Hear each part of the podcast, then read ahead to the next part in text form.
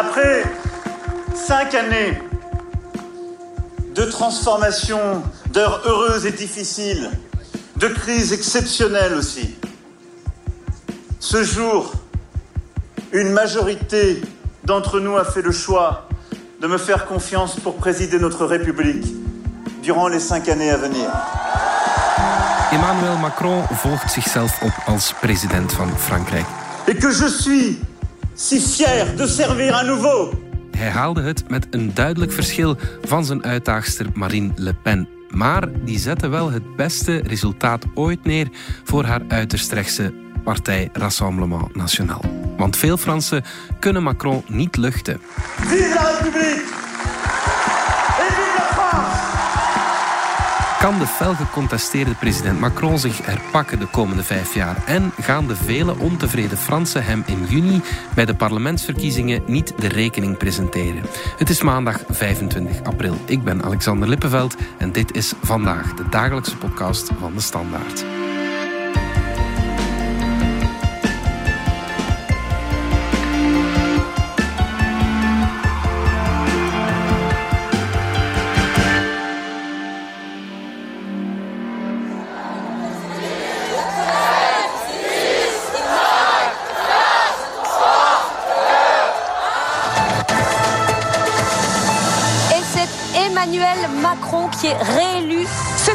Macron qui a donc été reconduit à la tête de la France. C'est donc le choix de la continuité qu'ont fait les Français. Vous voyez ces images de l'IS à l'instant, ces drapeaux qui s'agitent au champ de Mars. Koen Vidal, chef van onze buitenlandredactie. Macron verdient toch een applaus, vind ik. Zijn voorgangers Sarkozy en Hollande slaagden er niet in na hun eerste vijf jaar om herverkozen te worden. Hij wel. Hij is er inderdaad in geslaagd. En bovendien was er toch een, een vrees dat eh, Marine Le Pen het toch zou halen. Ehm, ja, zelfs in de uren voor eh, het resultaat eh, om acht uur binnenkwam, hoorde je toch heel veel mensen zeggen van ja, wat als dit gebeurt, dan zitten we met een groot probleem. Er heerst ehm, bij velen heel veel opluchting over het feit dat eh, Macron toch voldoende mensen die niet noodzakelijk Macron gezind zijn, achter zich heeft gekregen Ja. om opnieuw president te worden. Ja, ja, ja, de anti-Le Pen stemmen eh, die hebben hem misschien wel eh, goed geholpen. Hij haalt ook 58 procent. Dat is niet slecht, denk ik. Hè? Ja, dat hangt er een beetje vanaf hoe je het bekijkt. Hij komt van 66. Dat is een verlies. Maar het is duidelijk een moeilijke race geweest. Je had natuurlijk in de eerste ronde een belangrijk succes van de linkse kandidaat Mélenchon. Eh, die heeft gezegd stem niet op Le Pen, maar hij heeft niet gezegd stem dan maar op Macron. Ja. Eh, de grote vraag was, kan Macron, die linkse kiezers... Macron is toch echt een liberaal met liberale recepten... Ja. kan hij de kiezers voor zich winnen? Wel, hij heeft er voldoende achter zich gekregen. Ja, ja, ja. Hij doet dan uiteraard, zoals dat gaat met een winnaar, een overwinningsspeech onder de Eiffeltoren voor een gigantische zee van mensen. Wat viel je daarin op? Eh, ik vond het eigenlijk een nogal zwakke speech, redelijk inhoudsloos. Wat wel opviel is dat hij eh, het toch opnieuw had over de verzuchting van wat je zou kunnen noemen linkse kiezers. Meer algemeen mensen die het moeilijk hebben. Hij zegt we laten niemand langs de kant van de weg achter. Nul ne sera laissé au bord du chemin. Dus het is duidelijk dat hij eh, de beloftes die hij aan die linkse kiezers gedaan heeft de afgelopen twee weken, heeft hij opnieuw herhaald. Ja. Ehm, dat maar heeft- heel bevlogen was het toch allemaal niet? Hè? Het was niet bevlogen. Hij, hij lanceerde een belofte, maar dan maakte hij die eigenlijk niet hard door te zeggen van kom, ik ga het zo doen, ik stel dit al voor of ik lanceer vanavond al een, een mooi project of een Marshallplan, of hoe dat je het ook zou noemen, om dat te realiseren. Dat zat er echt niet in. Het was, eh, hij gaf ook een, een vermoeide indruk, eh, vond ik. Ehm, dus ja, het was niet bevlogen. Je ne suis plus le candidat d'un camp, mais le président de toutes et tous. Hij krijgt hoe dan ook geen derde termijn. Dat kan eh, niet volgens de Franse grondwet, veronderstel ik dan. Het is zijn laatste keer als president. Ja. speelt dat in zijn voordeel? Wel, je zou kunnen zeggen, hij zit niet meer met die hete adem om opnieuw verkozen te worden binnen vijf jaar. Dus hij hoeft niet constant de peilingen in de gaten te houden van hoe gaat het en, en hoeveel mensen steunen mij nog en wat gaat werken. wat gaat niet werken in de peilingen. Uh, dus enigszins een bevrijde president uh, zou je dat kunnen noemen. Mm -hmm. Nu, hij zit wel met een enorme taak. Hij heeft natuurlijk niet de volledige vrijheid om te doen wat hij wil, want dan zou je denken van hij gaat misschien nog wat liberaler worden dan hij nu is. Un projet fondé sur le travail et la création. Un projet de libération de nos forces académiques, culturelles, entrepreneuriales. Ik denk dat hij wel beseft dat hij met een gespleten land zit. Mm -hmm. Tussen mensen die het goed hebben en die voor hem stemmen. Mensen die een surplus hebben, die zich niet te veel zorgen hoeven te maken. Maar toch heel veel mensen die het echt moeilijk hebben. Ja, dus hij zal het echt wel anders gaan moeten doen. Wel, als hij aan de toekomst van Frankrijk denkt, ja. dan zou je zeggen van ja, die gespletenheid, dat mag nog toch niet voor eeuwig uh, in dat land blijven zitten. Want mm. dan heb je toch echt wel een twee-stromenland met heel veel sociale spanningen. En dat kan toch wel zijn probleem zijn. Uh, niet zozeer, hij moet zich niet meer electoraal bewijzen, maar hij moet er wel voor zorgen dat die sociale spanningen onder controle komen. Aujourd'hui, vous avez fait le choix d'un projet humaniste, un projet social et écologique. Ja. Anders gaat hij met opnieuw een beweging zoals de gele hesjes zitten, of gaat hij toch met vakbonden zitten die in, echt in, in overdrive zullen gaan. Het waren wel vijf moeilijke jaren, hè, die afgelopen jaren. Je had die gele hesjes, je had de covid-crisis, je had Oekraïne. Ja, is hij meer dan een crisispresident? Wel, veel Fransen en ook veel uh, van zijn aanhangers zeggen dat. Van, hij heeft in deze enorm moeilijke periode het land voor veel erger kunnen behoeden. Als een president die eerder liberaal denkt, heeft hij wel dat overheidsapparaat ingezet om die schade van de, de COVID-crisis en ook wel uh, de gevolgen van de internationale spanningen, de oorlog in Oekraïne, dus de hoge energieprijzen. Ja, hij heeft die um, gewoon geblokkeerd, die, die, die prijzen. Inderdaad. Dat is geen liberale denkwijze, denk ik. Nee, nee, nee. nee. En, en um, ja, hij, hij, zegt van, ik moest wel, anders uh, hadden we echt wel een land in nood gehad. En ik moest omwille van de volksgezondheid en ook wel de financiële gevolgen van COVID zeer zware maatregelen nemen en eigenlijk dus aan interventionisme doen. Mm. Ja, dat heeft zijn beleid gemarkeerd. Het was eigenlijk een liberaal die de overheid in tijden van grote dreigingen heeft ingezet. Mm -hmm. We zeggen vaak over de Verenigde Staten dat ze niet echt verenigd uh, zijn. Ook van Frankrijk zeggen we dat steeds vaker, dat het een verdeeld land is. Ja, en dat valt ook enorm op als je door het land reist natuurlijk. Het Noordoosten is toch vaak, ja, zie je toch um, ofwel uh, heel opvallende armoede, ofwel van een saaiheid, mm -hmm. waarin je niet als kind wil opgroeien. Je, je ziet ook veel weinig economische activiteit en of de middenstand die daar uh, heel snel verdwijnt. En aan de andere kant zie je dan ja, dat enorm welvarende Frankrijk, een aantal groeipolen, mm. rond Nantes bijvoorbeeld, daar hebben de mensen het heel goed. Huizen kopen aan enorme prijzen, komen niks tekort. Dus ja, die kloof die is uh, nog meer toegenomen tijdens Macron. En ja, een land kan dat niet lang verdragen. Daar komen sociale spanningen uit, heel veel frustratie, stemmen voor extreem rechts enzovoort. Ja, um, en stemmen voor extreem links ook natuurlijk. Um, ja, uh, Mélenchon heeft daar natuurlijk ook op kunnen inspelen en is ja, op links de belangrijkste factor geworden. De Partie Socialist is weggesmolten. Mm -hmm. Dus ja, Mélenchon is een factor waarmee we de komende maanden naar de parlementsverkiezingen toe, maar ook wel de komende jaren gaan rekening mee houden. Ja, ja, ja. Een, een, factor die ook wel aangeeft dat er een enorme verdeeldheid en ook wel een, een grote frustratie is, is dat enorm veel mensen niet zijn komen stemmen of blanco hebben gestemd. Et le deuxième tour, euh, là on n'a pas le choix. Donc euh, entre le pire et le moins pire. Le vote blanc, c'est un vote qu'on est mécontent, qu'on n'est pas content. Je ne vais pas voter parce que, comme je vous ai expliqué tout à l'heure, euh, je ne suis pas pour euh, ni l'un pour l'autre. Macron, euh, je suis déçu. Il a fait beaucoup de promesses qu'il n'a pas tenues. Ce tour-là, je ne voterai pas. Surtout euh, pas Macron. Pas Macron parce que là, il a fait trop de mal aux gens et euh, il y pense que pour les riches. Het gaat over 13 miljoen mensen. Wat, het is enorm. Ja. Uh, waaronder veel jongeren ook. En dat is dan ook weer uh, ja, heel verontrustend. Mm -hmm. Dat jongeren aan het afhaken zijn. In juni trekken de Fransen weer naar de stembus voor de parlementsverkiezingen. De aanhangers van Le Pen hadden het al over een derde ronde, zeggen ze. La partie n'est pas tout à fait jouée, puisque dans quelques semaines, en effet, auront lieu les élections législatives.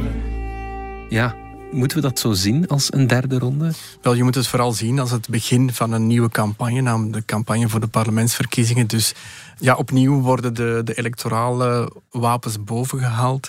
En wordt gezegd van ja, we gaan uh, Macron toch proberen te blokkeren via die parlementsverkiezingen. Nu, dat gaat niet zo makkelijk zijn. Niet voor Le Pen en ook niet voor uh, Mélenchon. Mm -hmm. uh, waarom niet? Omdat het verleden heeft uitgewezen dat um, de parlementsverkiezingen toch wel vaak door de partij van de president worden gewonnen. Er is een soort presidentieel elan waarvan uh, de presidentiële partij ook kan uh, genieten. Mm -hmm. Veel Fransen, denk ik, willen ook geen cohabitation. Dat betekent dat de regering eigenlijk van een andere kleur is dan de president, waardoor heel veel zaken blokkeren.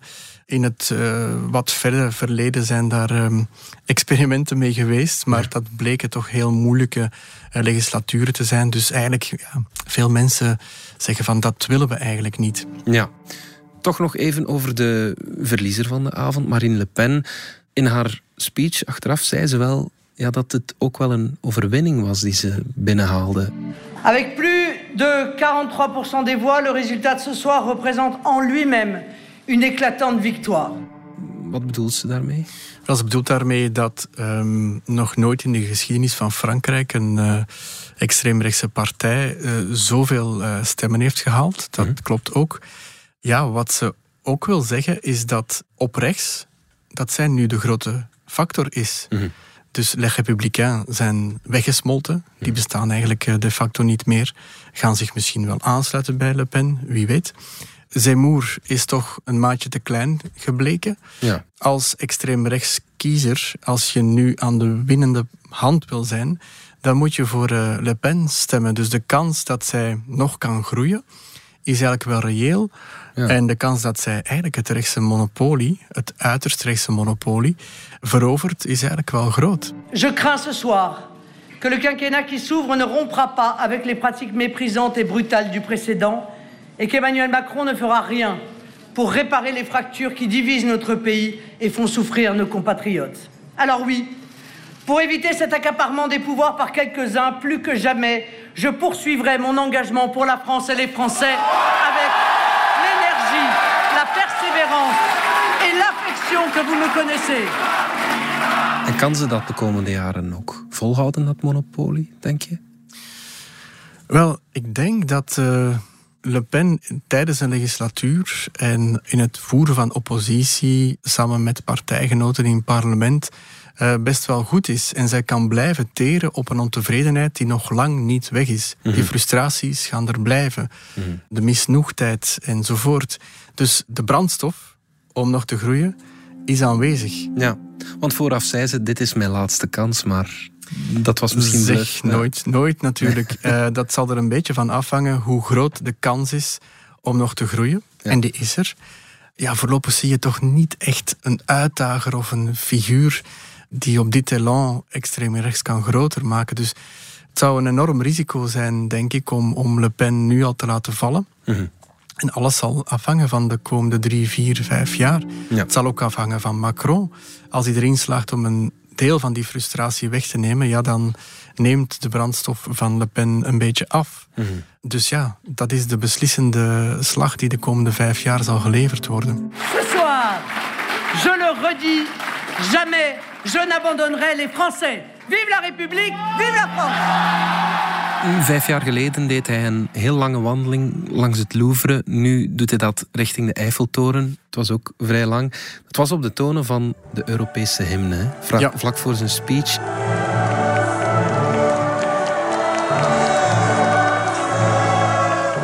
Is dat een signaal? Jazeker. Bon, dat weten we. Macron is uh, voluntaristisch pro-Europees. Mm -hmm. um, ziet Frankrijk groeien in een groeiend Europa. Wil ook dat Europa zelfstandig wordt qua defensie, politiek. Maar het moment en, en die tonen van Beethoven zijn misschien dit jaar nog, nog belangrijker voor hem en, en ook nog wel dramatischer omdat Europa natuurlijk geconfronteerd wordt met een oorlog. De Russische invasie in Oekraïne. Dus daar zie je toch ook dat Macron probeert om een Europees eenheidsfront te bewerkstelligen. Om die sancties mee te helpen tot stand komen en zo ook te handhaven en te zorgen dat dat in, met gesloten gelederen gebeurt.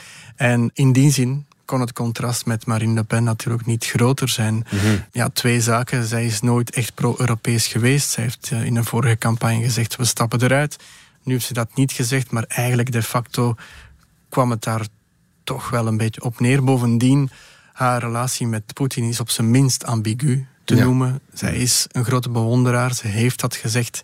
Zij heeft ook een uitstaande lening bij een Kremlin-gezinde bank. Dus in die zin waren er veel verontrustende signalen. Bon, Macron is nu president en heeft heel duidelijk laten bereiken: ik ben pro-Europees en ik zet mijn koers ten aanzien van de crisis Oekraïne, Rusland verder. Ja, en de meeste Europese leiders die denken, oef, waarschijnlijk. Ja. Maar er is wel een opluchting, ehm, omdat ja, het was gewoon niet duidelijk hoe die relatie Le Pen-Poetin ging evolueren, mocht zij president zijn. Je krijgt dan toch een, een, ja, een Poetin-gezinde president in een van de belangrijkste landen van de Europese Unie, van Europa. Eh, dus dat had dat Europees eenheidsfront immens geschaad, waardoor Europa misschien ja, de, toch totaal afgebrokkeld eenheidsfront eh, was geworden. Ambitieux pour l'indépendance de notre pays, pour notre Europe. Tot slot, Koen, wat denk je, gaat eh, Macron 2.0 beter zijn dan Macron 1.0? Dat is heel moeilijk om te zeggen, natuurlijk. Ehm, ja, Macron gelooft ook wel in zijn ideeën, in zijn liberale ideeën. Is op dat vlak ook een zeer intelligente man, een zeer briljante man. Maar soms komt er misschien wel eens wat overmoed bij hem. In de zin dat hij toch vrij laat heeft gezien. Ja, hij wist natuurlijk wel dat er grote frustratie was bij, bij de armere kiezers, maar hij heeft daar toch niet echt goed op ingespeeld. De vraag is of hij nu aan de slag gaat met zo'n combinatie van liberale en misschien meer linkse recepten. Ik heb daar een beetje mijn twijfels over, omdat hij wel heel hard gelooft in zijn eigen ideeën. De grote vraag is eh, met hoeveel tegenstand gaat hij geconfronteerd worden. Dan heb ik het niet over politieke tegenstand, maar eerder over de tegenstand van de straat. Eh, daarbij denken we heel snel aan gele hesjes. Het is niet uitgesloten dat die op een of andere manier terug naar boven komen. Maar ik denk zeker ook ja, aan vakbonden, omdat het toch de komende maanden over heel klassieke sociale thema's, zoals pensioen, zal gaan en de pensioenleeftijd. Dat zijn natuurlijk ja, thema's waar de vakbonden enorm goed op kunnen mobiliseren. Ja. En ja, dat zal hij toch op een of andere manier moeten onder controle krijgen. En dat, dat bleek toch ook een beetje uit zijn speech, dat hij nog niet meteen concrete instrumenten heeft om, om daar het antwoord op te bieden. Dus ik verwacht dat daar heel veel spanningen nog eh, gaan ontstaan. Koen Vidal, dankjewel. Dit was vandaag de dagelijkse podcast van de Standaard. Bedankt voor het luisteren. Download de app DS Podcast of volg ons op Spotify, Apple Podcast of eender welk ander podcastplatform. Alle credits van de podcast die je net hoorde vind je op standaard.be-podcast.